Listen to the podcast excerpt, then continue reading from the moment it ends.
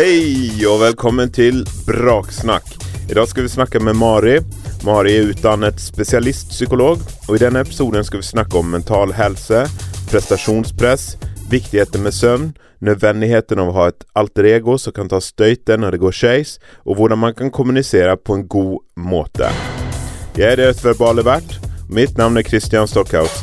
Velkommen til Braksnakk. Mari, velkommen til Braksnakk. Tusen takk. I dag skal vi snakke litt om eh, psykisk helse. Hva er egentlig psykisk helse?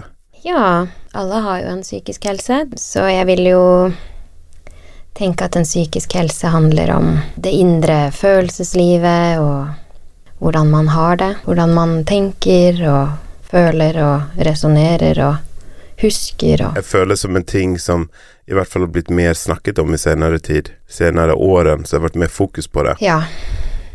Det har det absolutt blitt. Kanskje på godt og på vondt. Ja. Men det er veldig fint at det blir kommunisert mer rundt psykisk helse, og hva som er, eh, håper å si, normalt, og hva som man Altså det vonde som på en måte er en del av livet, og hva som blir mer, håper å si, unormalt eller, eller sykelig, da. Jeg tror av og til det kan være litt vanskelig å skille for noen. Mm. Hva som er normalt, trist og tungt. Mm. For livet er jo sammensatt, så man har jo mye av det vonde òg. Men det som har vært bra da med at det har vært mer fokus på det, er jo at den stigmaen eller på en måte fordommene mot å ha det vondt psykisk, Mm. eh, de har blitt mindre stigmatisert. Du har en kultur i USA der å gå til psykolog er like naturlig som å gå til legen, på en måte. Mens i Norge har det vært mer sånn hvis du går til psykolog, så har du et alvorlig problem, men kanskje du rett og slett har bare helt vanlige menneskelige problemer som kommer med å ha et følelsesliv eller ha et, eh, alt som kroppen har å by på det av kjemikalier i hodet eller stressreaksjoner eller hva som helst fra en helt enkel hverdag. Jeg tror det absolutt er mindre stigma, eh, men jeg tror det er kanskje i enkelte miljøer at eh, det kan henge litt igjen. Mm. Og i andre miljøer så er det mer åpenhet og aksept. Og så Nå er jeg jo litt jeg delt akkurat der, for jeg tenker at alle trenger ikke hjelp i spesialisthelsetjenesten, men, men det å gå i terapi, det å gå til psykolog, det er noen ganger så kan jeg sammenligne det litt med å Altså at det er noe man kan unne seg, da. Mm. Eh, noen bruker masse penger på å stelle negler og Mm. og det ene og det andre, men det å ivareta seg selv inni seg er jo også en god greie, da. Ja, en spa for uh, Spa for sjelen. for sjelen. Men er sjelen en del av det, eller er sjelen midt imellom? Altså er det fysiske sjelen, og så er det mentale? Kommer vel kanskje litt an på hva, hva man tenker på som sjelen, da. Ja. Har du noe Eh, Ja, altså De prøver jo ofte å forklare sjelen i sånn Disney-filmer og sånn, som en liten sånn lys, flygende kule, eller altså at det er en sånn spesifikk greie. Sant? I mange religioner sånn, så blir sjelen tar ny form, altså får nytt, nytt legeme, eller på en måte blir til At det er en spesifikk ting, da. Men det kan også være en beskrivelse på eh, den man er, og tankelivet, og på en måte det som er unikt med et menneske. Så jeg tenker kanskje mer sånn at eh, sjelen er vel eh, personligheten og liksom det som definerer en mye mer enn det fysiske eller det mentale. Man kan føle et menneskets eh, nærvær eller den kjemien som er mellom to folk, så er det nesten som om sjelene liksom eh, bonder på en måte. Yeah. Fordi at det no, noen mennesker går jo ikke sammen tross at de på en måte har de samme kvalitetene eller er veldig like noen som går sammen. Hva er liksom den lille X-faktoren, da? Det kan være en sånn sjels, sjelslig frekvens, eller ja, det var interessant. Denne kjemien. Ja. Mm, jeg har ikke tenkt på det helt som en sjel, kanskje. Men, eh, men det er jo litt sånn hyggeligere å tenke på det som en sjel enn bare nervesignaler som fyrer. Ja, men eh, ja, sjelen er også så etablert på en måte som en spesifikk ting. Sånn at det er mye som blir tillagt sjelen nå. Og en del av vårt vokabular. Jeg tenker jo kanskje det er en måte å få noe litt sånn abstrakt og usynlig til å være litt mer håndgripelig, da. Mm. Ved å, å kalle det noe. Ja. Ja. Så sjelen er jo et fint ord, Mm, syns jeg. ja. Og så um, skjønner man kanskje Hvis man ikke står på veldig sånn ulike sider sånn med tanke på religion eller noe Mm. sånt, så tenker jeg at man man skjønner fort hva man snakker om, da, hvis Mm. en begynner å snakke om sjelen, og at det handler om kanskje ting vi ikke kan sette helt fingeren på, som er noe inni en. Mm. Dette kan lett bli ganske sånn filosofisk. Ja, men vi kan kjøre full filosofisk, kvasifilosofisk kvasi-filosofisk for min del. jeg er, u jeg er usikker på om jeg er filosofisk anlagt, Christian. Ok. Ja, kanskje jeg kan dra det ned i slags sånn her filosofisk gjørme. Nei, men det er jo det er i hvert fall noe som eh, ligger litt i samme sfære da, i, i forhold til det som vi skal snakke om. Hvis vi går liksom litt tilbaks konkret, da. Altså de som i musikkbransjen opplever mye stress, mye forventninger. Og så en ting som jeg tenker på om du tar f.eks. en idolartist, da. Eh, det de må gå gjennom av ekstreme oppturer, eksponering, for å så kanskje spille på et kjøpesenter i Hamar for 200 folk. Eh, den der stå på scenen og få folkets kjærlighet, og så på en måte komme hjem på gutt- eller jenterommet, eller sant? I hvert fall en, et sted der du ikke har får den der eh, adrenalinen, da. At det er en veldig us utsatt eh, situasjon. Jeg tenker du, er det noe man kan tenke eller gjøre, eller eh, forberede seg på de svingningene da, som kan være for en artist? Ja, godt spørsmål. Ehm, jeg tenker jo at nesten uansett om du er idolartist eller en annen type artist, eller mennesker generelt, at det er jo enkelte ting som kan gi deg et fundament og en slags grunnmur. Og det vil jo være sånn først og fremst litt sånn kjedelige ting, som det å på en måte passe på at du har en god døgnrytme, og for å ha en god Altså, for vi, vi tåler ting dårligere når vi ikke sover og ikke spiser. Jeg blir et monster når jeg er sulten. Mm. Jeg vet ikke med deg. Hangry? Ja, jeg har vært hangry et par ganger. Ja. Ja. Så det litt sånn første kjedelige svaret er egentlig det å passe på at du lever litt sånn med en god struktur, tenker jeg. For det er på en måte fundamentet på hvordan man har det. Så sover du nok, eh, står opp litt sånn til samme tid, spiser du regelmessig, eh, trene, veldig viktig. Eh, men viktig at man finner sin form for trening, at man ikke bare gjør det man tror, tror er best. Um, også ikke isolere seg. Være med andre mennesker. Snakke med andre mennesker om hvordan man har det. Ha et litt sånn vennskapelig forhold til egne følelser. Kjenne følelsene sine. Uh, det er litt sånn det første jeg tenker på. At eh, Og det handler kanskje litt om den jobben jeg er i. At uh, jeg jobber jo nå på en sengepost på en DPS. Og de som kommer inn som på en måte har en eller annen form for krise eller veldig opptur og nedtur, der ser vi ofte at når ting blir vanskelig og vondt, så glemmer man litt de vanlige tingene som er så viktige, de basale behovene. Man glemmer liksom litt det der med å spise regelmessig, eller man kan bli liggende i senga hele dagen, eller man orker Det blir en litt sånn ond sirkel hvor man Nå føler jeg meg dårlig, så da blir jeg liggende her. Og så er det å bli liggende der eh, noe som forsterker det at man føler seg dårlig og tenker dårlig, sant? Så jeg er nok sikkert litt farget av min mm. arbeidssituasjon når jeg svarer nå, men jeg tenker at jeg, jeg, jeg vil ha det med, fordi jeg tror at det er så lett å glemme en del av den derre det derre stillaset, da, som du har med normal struktur og rutiner. Så det er nå én ting. Fordi altså, et menneske er jo Hvis man tenker på en bil, da, så på en måte man skrur av bilen når man er ferdig å bruke bilen. Man fyller på bensin eller lader batteriet. Man skifter luft i dekket. Men mange eh, behandler sin egen kropp eller sånt som om det ikke var en bil. Altså det er veldig greie sånn strukturer på hva man skal gjøre da for å må bra. Altså drikke vann og spise frokost og lunsj og middag og få søvn og mosjonere og sånn sånn. Men at det kanskje blir en sånn at man prøver å bryte alle, med alle de reglene. ehm, og så skjønner man ikke at konsekvensene kan komme i andre former, da.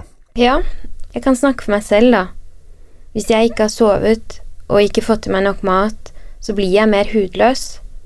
Jeg tåler mindre. Det skal mindre til for at jeg blir, eh, begynner å grine og blir sliten og lei og sur. Og irritert på de jeg bor med. Og jeg tror det er lett å tenke også når man har det kjipt, at eh, Å, nå går jeg ut og Nå har jeg det så kjipt, nå går jeg ut og drikker meg full, eller eh, at man kan bli litt sånn, drive med litt sånn self-handicapping. Ok, det gikk dårlig, så da gjør jeg det, sørger jeg for at det går enda dårligere, og ja. Um, så det er liksom At svaret skal ligge i eh, ekstremene, altså i bunnen, i bunnen eller toppen, istedenfor at svaret ligger i, helt i midten. Ja, det er det litt kjedelige svaret, Kristian, men fordi at jeg tror også at hvis du på en måte har det kjipt og tungt, så er du, trenger du i enda større grad det, det, det stillaset, den strukturen. For hvis du har sørget for at det, de basale behovene er ivaretatt, og du har på en måte det i bunn, så vil du kjenne deg sterkere til å takle det som kommer av andre følelsestilstander, da. Mm. Så det er jo litt sånn generelt svar, tenker jeg da, på Og ikke bare på denne idolartisten. Nei. Eh, Jeg håper den idolartisten som du snakket om i begynnelsen, har et godt nettverk rundt seg. Mm. At uh, har en familie som er der i gode og onde dager, holdt jeg på å si, og at man har venner. Eh, Det å isolere seg, som kan også være noe man plutselig gjør fordi man har det kjipt, sant. Åh, jeg har ikke lyst til å se noen, jeg har lyst til å bare bli liggende her i senga. Det er jo eh, dessverre også noe som kan gjøre ting verre. Og så kan vi ikke alltid styre hvordan vi føler oss og hvordan vi tenker, men vi kan velge hva vi gjør. Vi kan på en måte velge å stille klokka, og vi kan velge å ta den turen ut. Og så kanskje det påvirker litt hvordan du har det. Mm. Du kan velge å fortelle vennen din om hvor kjipt det er, eller ja. Og så blir Altså, nå er det kanskje ikke noe sånn bombe at jeg er litt tilhenger av å snakke om ting, da. Nei. Men jeg tror jo at hvis du kan sette ord på kjipe ting sammen med noen du er glad i og trygg på, så blir det Blir følelsen bare litt Bitte litt mindre kjip, da. Mm. Ufarliggjør det, på en måte. Ja. Får den litt ut av kroppen. Tror du eh, det å bli kjent med seg sjøl eh, er noe som folk bør, kanskje i alle sammenhenger, bør jobbe litt med? Så Ja, det tror jeg. ja. Jeg tror, jeg tror jo som artist også kanskje du må ha en form for selvironi. En form for at det kan være en eh, forsvarsmekanisme som ikke er Så hvis du Hvis noe går dårlig, så kan du le av det. Og hvis noe går bra, så kan du på en måte glede deg av det, men samtidig vite at eh, At eh, på en måte følelsen vil ikke være på topp alltid. Og da lære seg liksom hvordan man responderer på ting. Mm. Eller finne en uh, Artister har gjerne et alter ego. Sant? På scenen så blir de til en person. Og det er en måte å liksom takle ting, men også tørre å gjøre ting. En flukt. Eller? Ja, eller tørre å gjøre ting så det ikke tør, Det er noe som tar over, sant. ja, Det er ikke meg, det er han alter Ja. egoet. Ja, litt. Altså det kan være i, i stor grad Altså at folk sminker seg eller tar på seg klær og på en måte virkelig ta, bli til Kiss, da, eksempel. Men det kan også være i den grad at musikken tar litt overhånd, og at vedkommende plutselig får en personlighetsforandring som gjør at de eh, tør å fremstå som veldig selvsikre og kule på, på scenen. Som en ting som bare kan skje. Men den personen forsvinner jo så fort vedkommende går av scenen. Ja, og da sitter man igjen med alle følelsene og Ja, usikkerhetene. ja det vil jeg tro. Fordi at den, det alter egoet er jo ikke bygget opp for, for å takle ned, motgang. Det er jo en, for å takle på en måte en ekstrem situasjon av oppmerksomhet og kontroll. Jeg syns det hørtes nesten ut som å ta på seg en maske. Ja. Sånn at du på en måte er personen, men du har en eller annen maske du skjuler deg bak, og ting blir litt sånn enklere å gjøre, og så Jeg tenker jo at det det er i hvert fall viktig å være Når jeg sier vennskapelig med sitt eget følelsesliv, så at du eh, Jeg tror det er en styrke å være kjent med sine egne følelser, og hvordan man fungerer litt. Hva er mine sårbarheter, og hva trenger jeg når jeg har den og den og den følelsen? Eh, hvis man har på en måte lært at følelser er noe du ikke skal snakke om, eller følelser er farlig, eller eh, dine følelser er ikke på en måte verdt noe, eller Altså, folk har gjort så ulike erfaringer på hvordan følelser blir møtt og forstått og regulert, som vi psykologer sier, da. Det blir fort litt nølete, det her, Christian. Men Nei, det er eh, fint. Jeg, jeg digger det. jeg er veldig begeistret for følelser. Um, Og eh, dessverre så kan noen på en måte ha, ha erfart fra ung alder at, at det å føle ikke er greit, eller at man ikke har blitt møtt på følelsene sine på noen måte, så de kan ha et eh, kanskje litt anstrengt eller uavklart føl følelsesliv seinere. Mm. Så jeg og, Men eh, det er ikke grunn til bekymring for å jobbe med følelser, og det å Hjernen er plastisk, og man kan jobbe med det resten av livet, så det er ikke noe fare på ferde. Men det å bli kjent med sitt eget følelsesliv og å akseptere de følelsene man har, for så å på en måte være litt detektiv. Hva trenger jeg når den følelsen melder seg? Uh, jeg tror det kan være en styrke, da. Uansett om du er idolartist eller mm. bare Nå vet ikke hvor mange som hører på som faktisk er idolartister, da. Men det var et ekstremt eksempel da i forhold til det å være ukjent ene dagen og så var på TV. Det hadde vært morsomt hvis det var og en nisjepodkast for Idol. Ja. jeg tror faktisk de har sånne psykologer som jobber der. Ja, det har de. Som sikkert sier masse smarte ting til de òg. Jeg får håpe det. Ja, det vil jeg tro. Det vil jeg tro. Men eh, sånn som med søvn, da, for eksempel. Du nevnte det. Det er jo noe som gjelder oss alle, men kanskje ekstra viktig for artister som spiller scenekonserter. De har masse adrenalin når de går av scenen. Kanskje litt festing. Det er jo i hvert fall det vi vanlige dødelige liker å tro. At dere lever som rockestjerner. Ja. Det skal jo ikke mye til for å leve i hvert fall eh, innenfor de samme tidsrammene som en rockestjerne, da. Eh, altså hvis du spiller en konsert klokka elleve og er ferdig tolv, da bruker du gjerne tre timer på å lande, da. Ja, Men gjør du det da hver dag, uke etter uke, måned etter måned? Hvis man er på turné, så gjør man det jo i et langt strekk. Ja. Hvordan sørger man for å få nok søvn da? Sover man til langt utpå dagen, eller? Ja, men altså hvis man er på sånn ordentlig turné, så kommer man jo kanskje til en ny by Hvis man kjører nightliner, da, en buss som man sover i, så kommer man jo til en ny by, så man har jo litt lyst til å se den byen òg. Ja. Jeg tror jo kroppen går inn i en slags sånn her eh, modus. Ja. Der man kanskje fra gammelt av var det kanskje når man skulle emigrere, eller man skulle på en måte ta med flokken et langt sted for å høste nøtter i Jotunheimen eller noe i den dur. Kroppen går liksom inn i et modus der en på en måte kan kjøre videre, og at man Det kan være vanskelig å sove tross at man har sovet lite. Mm. At man er i en, en tilstand, da. Mm. Jeg tror jo måte, de turneene er, er, selvfølgelig slitsomme, men det kan være vel så Hvis du har et jobb og er artist på siden og spiller i helgen og så begynne på kristenjobben, som vi kaller det, eh, på mandag etter å ha vært oppe til klokka fire fredag og lørdag. Mm. Så kan det være vel så vanskelig det å, å, å deale med hverdagen etter du på en måte har tatt vekk det For helgen er til for hvile. Men hvis du brenner kruttet Kanskje ikke hvis man har barn. Nei. Nei. Ikke da. Kanskje ikke for noen. Men eh, i teorien så er den jo det. Ja. Men sånn, sånn, som med søvn Det er veldig viktig å få den søvnen man trenger. Um, ja, men det er ikke farlig å gå en natt eller to uten å sove nok. Nei.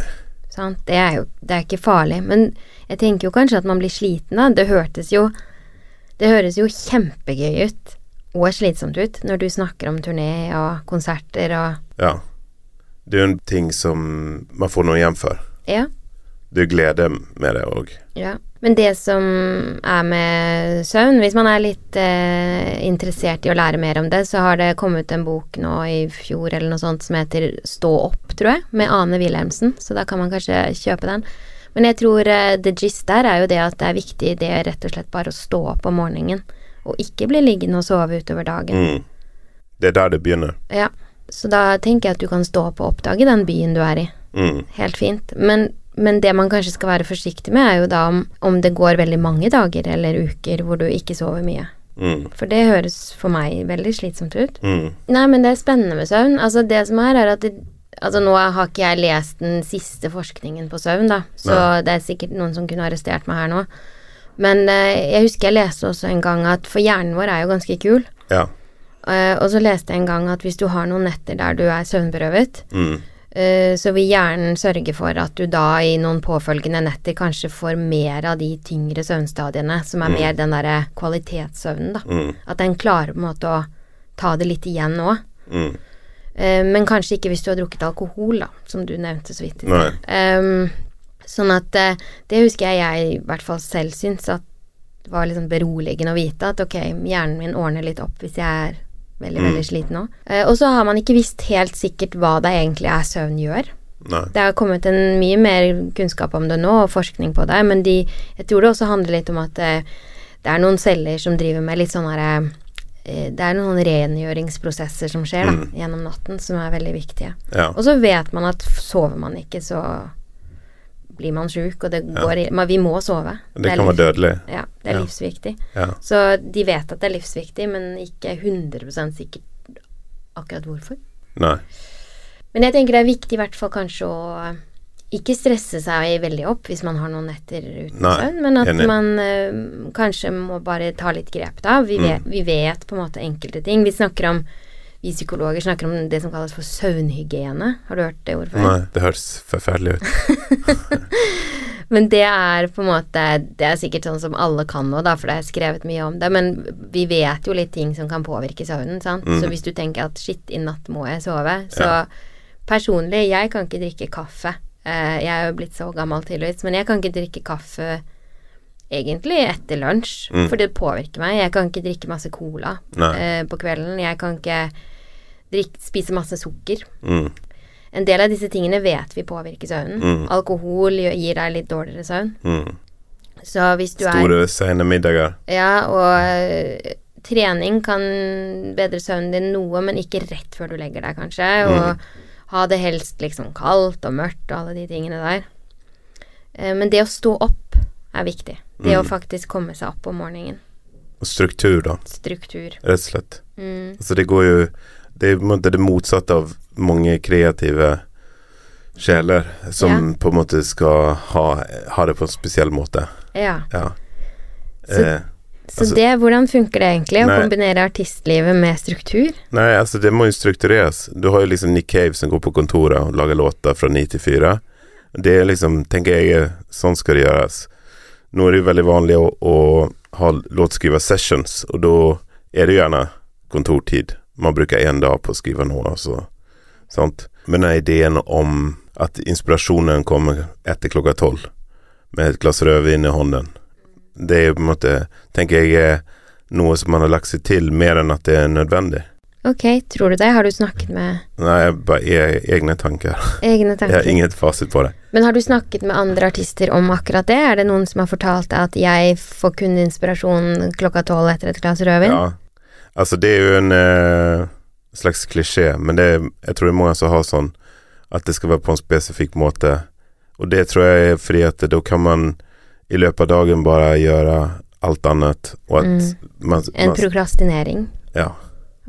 Altså, man, man setter seg sjøl i en posisjon der som er ganske behagelig, da. Mm. Sant? Men eh, i, innom de fleste yrkene, eh, innom alle yrker, tenker jeg at du kan definere gjennom å arbeide litt med ting, hvor Mm. tid du kan gjøre ting, eller hvordan du gjør ting. Mm.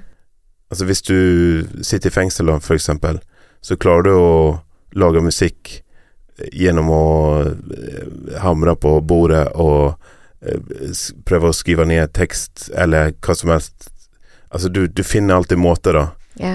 Eh, det trenger ikke å være så luksus 100 tilrettelagt. Eh, I hvert fall ikke når det da går det utover andre ting. Nei. Altså hvis du må oppe hele natten for å, for å jobbe med det. Veldig dårlig eksempel det med For det er jo ikke noe opptaksutstyr i et fengsel, så jeg tenkte Men kanskje du, du kan lære deg å skrive noter, da, for eksempel. Du har jo masse tid å lese bøker, så du kan lære deg Altså du finner alltid en, vei, da. Jeg som ikke er musiker, eh, vet jo ikke nødvendigvis helt hvordan det kommer til dere. Men er det liksom Tenker du da at, at liksom det må være det første eksempelet du sa med rødvin og seint, og Mm. at det er et slags litt sånn image? At Jeg tror det er en unnskyldning. En unnskyldning for å Ja. leve et slaraffenliv? Nei, men liksom sånn Å, jeg kan ikke gjøre det hvis det ikke er på den og den måten, og det er liksom Musikken min er så spesiell og sånn. Eh, og at det må være i en tilstand der jeg liksom finner ordene og, og så videre. Mm. Sant? Man har liksom lagd et oppsett da som, eh, som da skal, skal stå i stil med den musikken man produserer. All musikk fin, finnes jo inni deg. Om du går på vidden, eller om du sitter i studio eller foran et piano, eller hva som helst.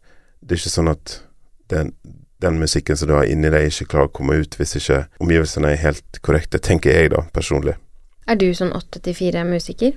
Ja, absolutt. Jeg kan teppe inn i alle typer følelser klokka ti om morgenen. Eh, men det er fordi at jeg har lært meg det. Jeg var jo også sånn skrive om natten og ikke ha forstyrrelser og sånn.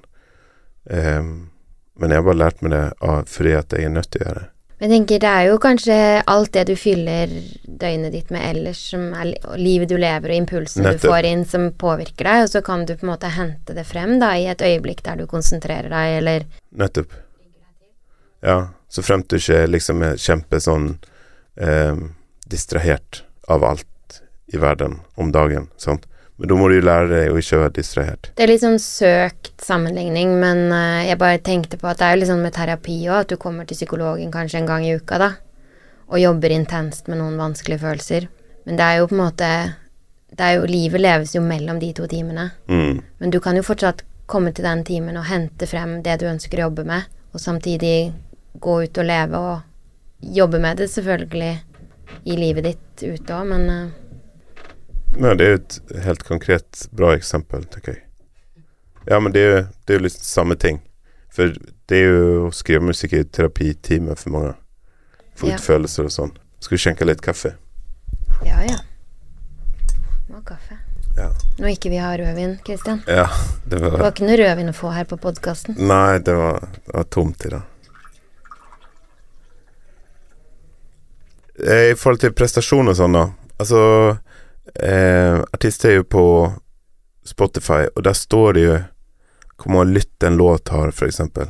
Ja, det virker jo Du nevnte så vidt i sted også dette med å hele tiden bli målt, hele tiden Ja. med på. Følgere, Ja. likes, avspillinger. For meg så høres det jo det litt slitsomt ut. Hvordan, eh, hvordan opplever du det selv? Jeg tror det går litt bølgedaler, egentlig. Jeg kan ikke tenke meg noe annet yrke der man blir målt i samme grad, eller der folk kan se Selvfølgelig kan du gå inn på type hjelp eller finn håndverker og se hvor mange stjerner noen har. Men dere blir kontinuerlig vurdert. Du kan se hvor mange som syns det er ålreit, det du Ja. lager. Ja, ja. Ja, det er bare syv som har hørt på sangen min. ja. Eller ja det er jo, da har man jo buksene langt nede på, på leggene. Det er jo utrolig ydmykende å ha syv place. Hva gjør det med deg, da, Christian? Med, med meg Ja, du sier noen ganger så Selvfølgelig noe, men det er jo fordi at man vet om man gir ut musikk, om man vil ha en suksess, så ser man, så er det så tydelig på en måte om det er suksess eller ikke. Det er irriterende hvis det, hvis det ikke er suksess, men jeg tror jo drivkraften er ikke, i hvert fall for meg, er ikke den type suksess som kanskje blir målt da. Um, jeg kan ha en hel regnbue av målenheter for suksess. Em, det kan være personlig suksess, at man har satt sitt mål og gjennomført det. Det kan være suksess som er konkret, blir spilt på radio, eller at folk betaler billetter for å se en konsert. At eh, noen kommer og gir komplimenter, eller sier send en DM klokka to om natten og sier noe trivelig.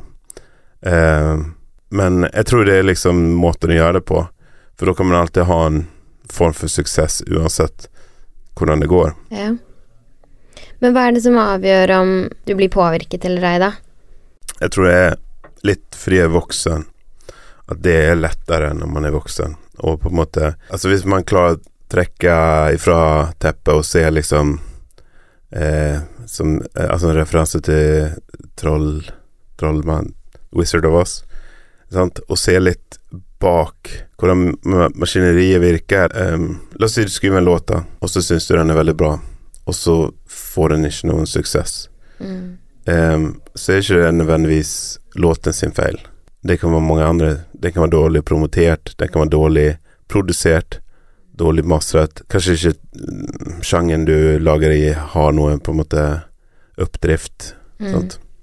Em, men dermed ikke sagt at det er en dårlig låt. Da kan du ha suksess i deg sjøl og tenke Vet du hva, jeg, jeg, det her er en låt som betyr mye for meg, tross at den ikke betyr mye for en million andre folk Mm. det er liksom ikke så viktig. Det problematiske med det å drive med musikk, er at det også skal være noe du skal leve av. Ja. Og da, da om du går på kompromiss med deg sjøl, alle vil jo gjøre det til en, en viss grad.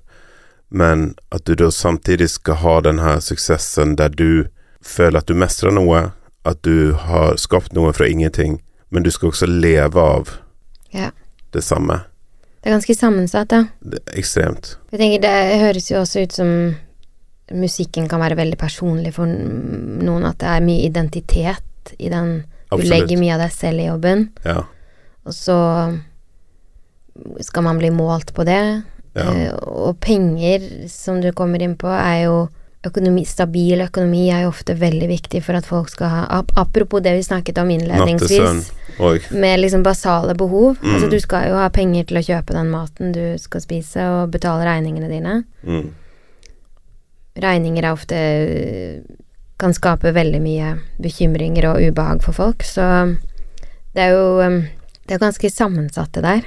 Absolutt. Jeg kan jo gjøre en eh, god og dårlig jobb, jeg, men jeg får jo på en måte lønn fra staten hvis jeg møter opp, i hvert fall, Mm. og ikke gjør noe veldig alvorlig. Ja. Så, um, så dere har flere områder som gjør dette her egentlig ganske utfordrende. ja.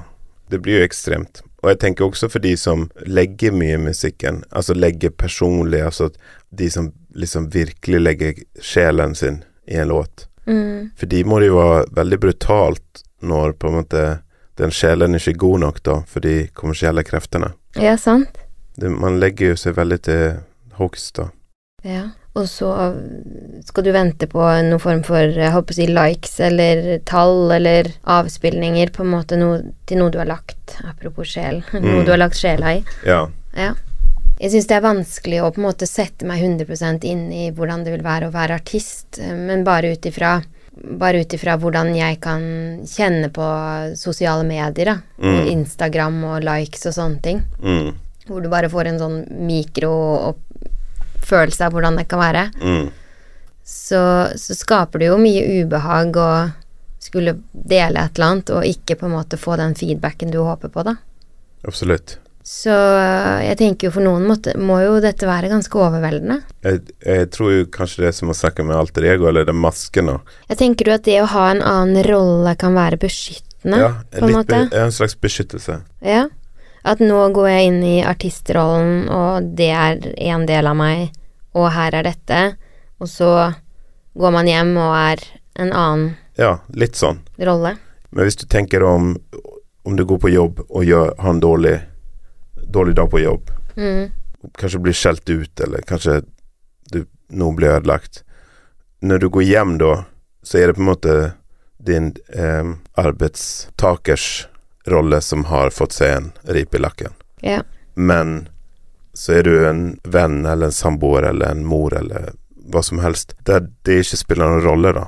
Mm. Men hvis du er en artist, og du deler f.eks. fra sosiale medier hjemme hos deg sjøl, rett før du går og legger deg, fra scenen eller før, så er det ikke noen forskjell der. Da er det Mm. samme person som ikke får den anerkjennelsen, eller får hatmeldinger. Så du tenker at det er viktig å sette en annen grense da, mellom privatliv og artistlivet? Altså at ikke du tar med deg kamera og artisten hjem i senga di hjemme og filmer og legger Altså, Jeg tror ikke det er sunt, nei. på en måte. Nå er ikke jeg eksperten her, da, men jeg tror jo em, at hvis det skal være ordentlig bærekraftig da, i lengden, Ja. så må du ha noen beskyttelsesfilter, om det er et artistnavn, eller om det er en slags rolle man tar på seg, sånn at den rollen kan få tyn. Altså hvis vi sammenligner med Hulken og, og Bruce Banner, sant. Bruce Banner hadde jo ikke klart å, å fått en kanonskutt i magen, men Hulken kan jo det, ja. sant. Det syns jeg var et veldig godt bilde. Ja. Veldig bra bilde, Christian. Yes.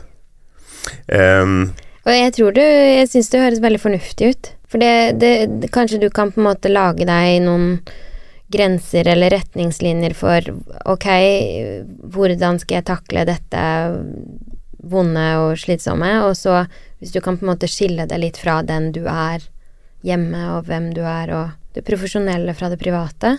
mm. Um, Jeg har har vi- ikke tenkt på det på den måten, men jeg syns det høres fornuftig ut. Ja, Jeg òg må jo skille ja. All, alle bøyer det på et eller annet nivå. Ja. Samtidig som at man ikke kan Det er jo ikke helt sånn vanntette Nei. Man er jo Man er jo seg selv i jobben sin òg, men um, Nei, det syns jeg var interessant. Og så syns jeg det var et veldig godt bilde med den hulk. Ja. Mm. Takk. Eh, når vi er inne på sosiale medier, um, vi har hørt om folk som har fått henvendelse fra fans som kanskje sliter veldig, Mm. og som da kontakter den her eh, artisten Mm. om, om noen slags hjelp, fordi at det, kanskje tekstene eller musikken har hjulpet eh, den fanen, og i en ekstrem situasjon så tar de kontakt med artisten. Det høres jo ikke lett ut, tenker jeg, sånn med en gang. Eh, Det er viktig å understreke at en, eh, en artist skal jo ikke nødvendigvis kanskje da kjenne at ok, jeg må Hvis ikke den personen er helsepersonell, Mm. Så er det jo ikke så rart hvis man ikke vet helt hva man skal si og gjøre, for det er jo heller ikke den personen sin jobb. Nei. Så sant, at du, man tar litt av presset med å vite det at ok, det ikke, du skal ikke nødvendigvis vite akkurat hva du skal kunne si og gjøre. Men jeg tenker også at for artisten at det er viktig å kunne sette litt av grenser for hvor mye man er komfortabel med å kommunisere med fans, eh, hva man syns det er greit å skrive om og ikke. Eh, og så er det jo alltid lov til å på en måte være hyggelig og grei og svare det som er riktig for en, ikke sant. Kanskje man har behov for å Jo, takk for det komplimentet, du likte låten. Eh, Og så går det an å på en måte ivareta, altså validere følelsen. Det er uff a meg, det er så fryktelig at du har det sånn. Og så tenker jeg at man må, kanskje må vise til helsehjelp, da. Mm. Eller eh, kanskje Hvis du tenker at det er alvorlig. Mm. Men, eh, men samtidig så tenker jeg at det er noe med å sette litt grenser for hva denne personen skal ta på seg av samfunnsansvar òg, ikke sant? Ja. Og det er lov til å kunne si at dette her kjenner jeg meg ikke komfortabel med å svare deg på. Mm. Jeg ønsker at du tar kontakt med helsevesenet. Det er jo lov til å sette grenser. Mm. Men så tenker jeg det er, det er jo forskjell på folk òg. Kanskje noen syns det er eh, spennende og fint og nært å kunne kommunisere med fans om Mm. en tekst de er spesielt glad i. Mm. Men Jeg tenker mer på de ekstreme du situasjonene. tenker mer på det ekstreme. Ja, men det å på en måte henvise til noen profesjonelle er jo kanskje det ultimate, da. Ja, jeg tenker det hvis det er alvorlig. Ja. Ja. Jeg tenker at det um, Altså, det å, å på en måte gi nummer til legevakt eller til et, et sånn hjelpetelefon, Mm. og kanskje oppfordre personen til å ta kontakt med helsevesen. ja. Det er jo kanskje den det man ville gjort i en vanlig situasjon. Altså, forskjellen er jo at det er fra, fremmede, da. Ja. Sant? Um, det Hva, hva tror du selv, da? Vi, uh, Nei, hvis du hadde blitt kontaktet? Jeg syns det høres riktig ut. Og så tror jeg at man som artist føler at når man får henvendelser som er personlige og sånn, så er det jo en anerkjennelse for artisten òg. Ja. Så det er liksom to Det er liksom blandet, på en Ja. måte. Jeg tenker du at det er et, et, et liksom kompliment i det òg? Bare du kan redde meg? Litt sånn, ja. Ja. Ja. Altså, da er det litt sammensatt. En del av deg Altså, vi er jo Mennesker er jo liksom pleasing i natur, Ja. Eh, naturen sin også. Vi har jo Sånn som eh, Man har jo lyst til å svare de riktige tingene, man har lyst til å være den ene personen som redder. Mm. Det kan jo kanskje jeg av og til kjenne litt på, som hjelper. At jeg har jo lyst til å være den personen som ble viktig for noen og klarte å si de smarte tingene, eller noe sånt. Mm. Men det er jo lov til å kjenne seg smigret, da. Absolutt. Det er jo Og det er jo lov til å føle seg stolt over at man berører, mm. og at man når ut med teksten sin eller melodiene sine. Mm. Det tenker jeg jo, det er lov til å være stolt og, og kjenne på smiger. Absolutt. Eh, men hvis det kommer til så ekstreme situasjoner som du snakker om, så kanskje man skal skille mellom behovet for å være, håper å si, helt, eller, eller det å, å kjenne at nei, dette her, dette blir for mye for meg, eller dette Ja, Mm. Eh, har du sett Some Kind of Monster, den Metallica-filmen? nei. De går jo til en eh, sånn bandterapeut. Ok. Eh, de har på en måte tatt seeren inn i situasjoner der de framstår som store babyer, hele gjengen, på en måte. Og så eh, Det står ikke nødvendigvis i stil med deres musikk eller sånn. Altså, men det er også et in interessant film, på en måte. Eh, å se hvordan de da jobber. Eh, fordi at det er liksom gnissinger i bandet, eller sant, sånne ting. Egoer og, og så videre. Og det er jo gjerne folk som har kjent hverandre fra de er 16 år og spilt sammen i 30 år, og de har aldri liksom funnet ut av måten å kommunisere på. Eh, hva tenker du liksom Man har ikke noe band familieterapi. Nei. Kanskje Nei. det er det du skal starte etter denne podkasten. ja, det er neste. Men, men hva tenker du da i sånne situasjoner? Hvordan liksom blir man bedre å ehm, kommunisere ut det man føler, da, uten å tråkke folk på tærne, eller, eller La oss si en bandsammenheng, da, så er det veldig kan være veldig følsomt eh, for folk. Hvis man f.eks. sier ok, men vi trenger ikke keyboard på denne låten, så her, her skal det bare være gitar, eller Det er noen som ikke får lov å være med på den låten, f.eks. Eller um, du spiller alltid feil på den låten når vi spiller konserter, eller Altså, man må si følsomme ting da for folk som kanskje ikke har eh, egenskaper til å kommunisere ut det her, da. Og de som får høre det, har kanskje ikke en- noen gode verktøy til å ta imot informasjonen. Så har man et problem.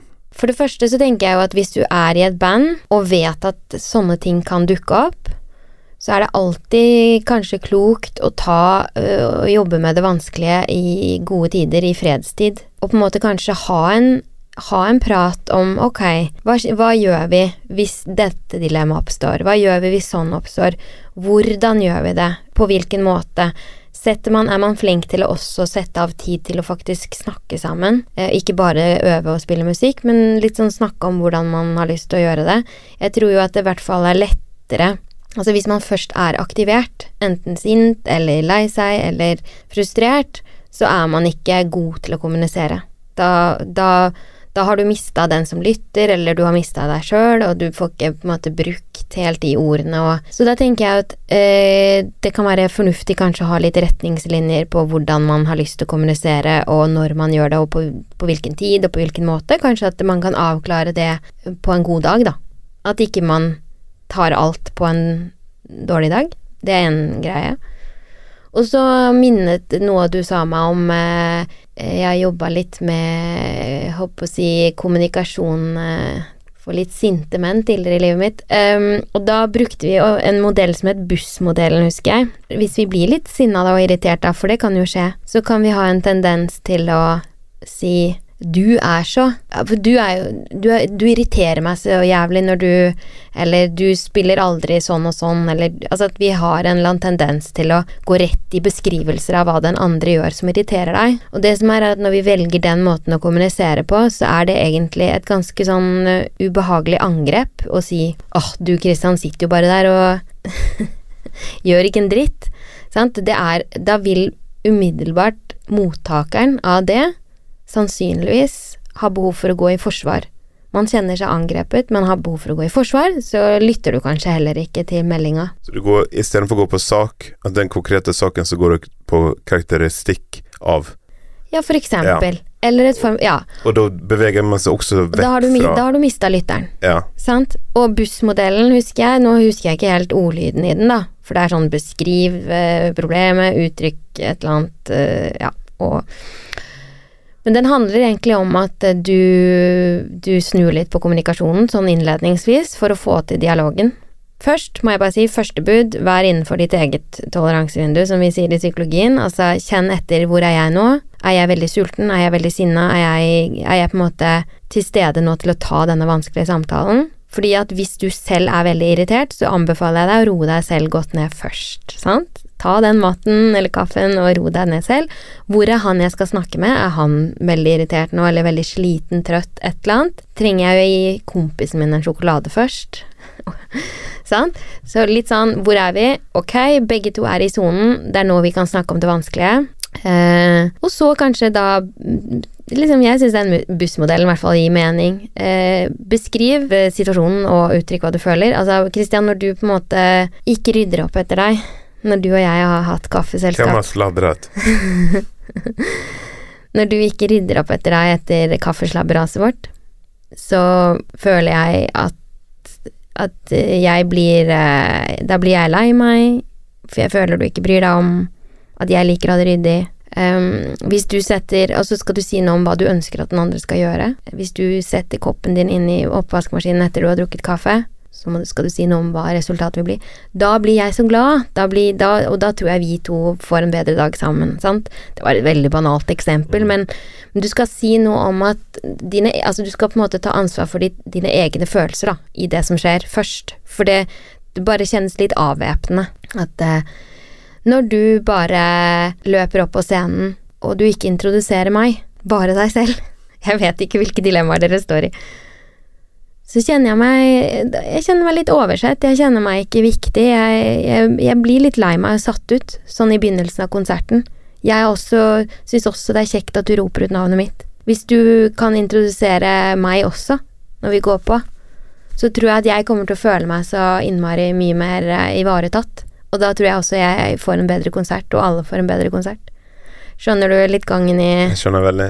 Det er jo, utfordringen er jo å si det på en måte som der man ikke høres ut som hobbypsykolog. Men, Jo da, jo men da. poenget er jo soleklart. Det er veldig Man kan løse det på den måten som føles naturlig, tenker jeg. Ja. Men bare Og jeg tenker at eh, dette her er det vanskelig å videreføre. Jeg skal ærlig innrømme at jeg bruker ikke bussmodellen når jeg snakker med samboeren min om eh, våre hverdagslige ting. Nei. Jeg tror jeg lett går i eh, 'du er så'-fella. Mm. Mm.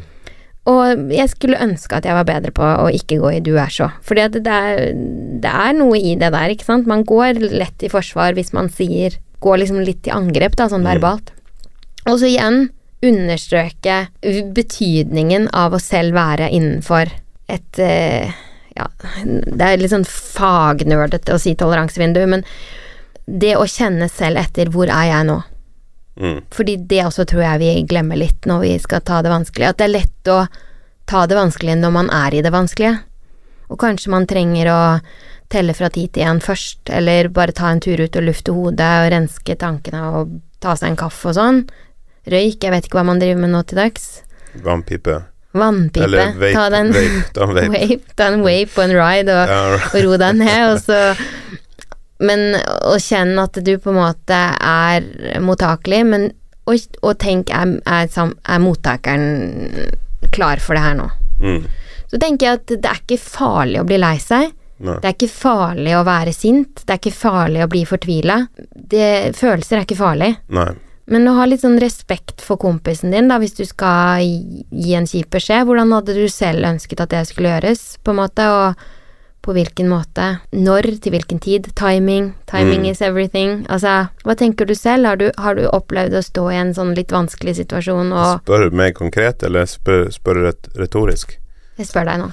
Ja, nei, altså Jeg har jo spilt i band siden jeg var ung, og da er vi ikke deala med ting eh, på nødvendigvis på en god måte. Og da er gjerne sjargongen sånn Faen! Ja. Sant? Begynne med faen. Ja. Ja, det er jo ja. Eller å ikke si noe, men å på en måte irritere seg over noe, eller Ja. sånt. Og så plutselig plumpe ut en gang man er litt forbanna. Ja, for eksempel. Men um, jeg tror også det her kommer litt med ehm, Altså, det blir bedre med alderen, eh, tenker jeg. Og så tror jeg liksom det her med ehm, selvsikkerhet generelt sett, at man ikke må kanskje skinne mest, eller være mest i fokus, eller noe sånt. Mm. Å se et helhetsbilde hjelper Mm. veldig på. Ja. Um, se andre for hva det er, men og kanskje tenke på hvordan vil man sjøl bli behandla. Mm. Den derre eh, vær mot andre sånn som du vil at Ja. andre skal være mot deg, er jo egentlig ganske fin. Er det Selv om fra Bibelen? Er det ikke et bud, eller noe sånt? Er det? Ja. Jeg er ikke noe spesielt religiøs, men Nei. jeg syns jo den er fin. Den er kjempebra. Også den der med naboens kone er det også et eller annet. Den er veldig bra. Nei, men det, den er veldig, veldig Fungerer veldig godt, da, fordi at eh, man tenker ikke ofte over måten man er med andre, men man er veldig bevisst på hvordan man sjøl vil ha det. Ja. Så det er jo en bra, bra sted å starte. Og du sa noe om at ja, at du hadde erfart den derre faen. Ja. Hvis noen skulle tatt opp noe med deg, hadde du satt pris på at det ble innledet på den måten, på en måte? Hvis Nei, selvfølgelig ikke. Nei. Men det er jo det er noen år siden, denne faen. Ja da. Det eksempelet ditt med hulken i Mm. sted. Ja. Så høres Det er jo en litt sånn bevisst strategi, eller noen retningslinjer man kanskje lager for seg selv. Mm. At det høres ut som det kan være fornuftig å ha det enten det er et band eller om, for seg selv. Mm. Både dette med kommunikasjon og hvordan man skal skille, og hva gjør vi der, hva gjør vi der. At eh, selv om det er et kreativt, gøyalt yrke dere har, Mm. så kan det hende man har behov for si, regler, retningslinjer og struktur, sånn som andre yrker. Mm. Absolut. Altså, man kan jo oppsummere både med struktur for den eh, mentale helsen, at man har struktur i hverdagen med mat, søvn, motion, altså rutiner Mm. ehm, og strukturer i, i en kreativ sammenheng der man rett og slett har satt noen retningslinjer för de tingene gjør man der. Og sånn som bussmodellen, den likte jeg, den var jo bra. Ja, Ha noe mellombar klare før dere skal diskutere ting.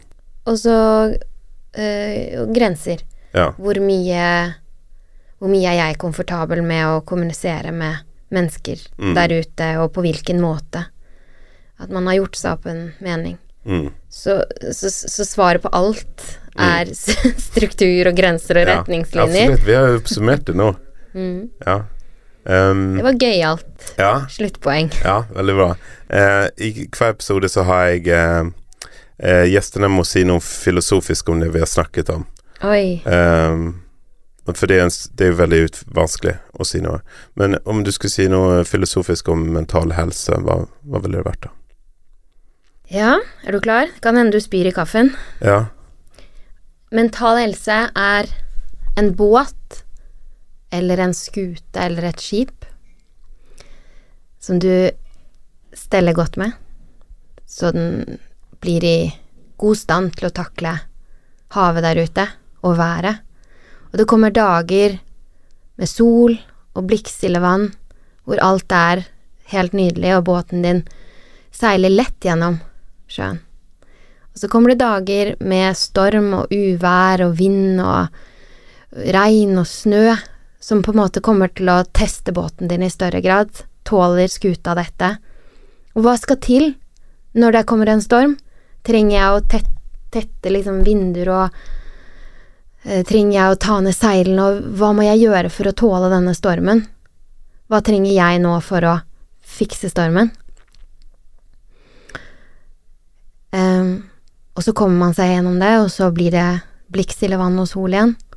Og sånn er livet også, Christian. Det går opp og ned. Og hva trenger båten for å på en måte hanskes med de gode og dårlige dagene? Og det pleier jeg ofte å be folk om å stille seg selv når de har det kjipt eller bra, eller hva trenger jeg nå? Så hva trenger båten? Tusen takk for det, Marit. Takk for at du kom. Takk for at jeg fikk komme. Vi snakkes. Gjør det. Hei. Ha det. Hvis du eller noen du kjenner sliter og trenger noen å snakke med, så kan du ringe Mental Helsetelefon 116 123. 116 123. Den er åpen 24 timer i døgnet og er gratis. Abonner gjerne på Braksnakk, og følg oss gjerne på Facebook og Instagram hvis du vil følge med på hva vi driver med. Vi er støttet av Norsk kulturråd, Vestland fylkeskommune og Bergen kommune. Mitt navn er Christian Stockhaus, og dette er Braksnakk.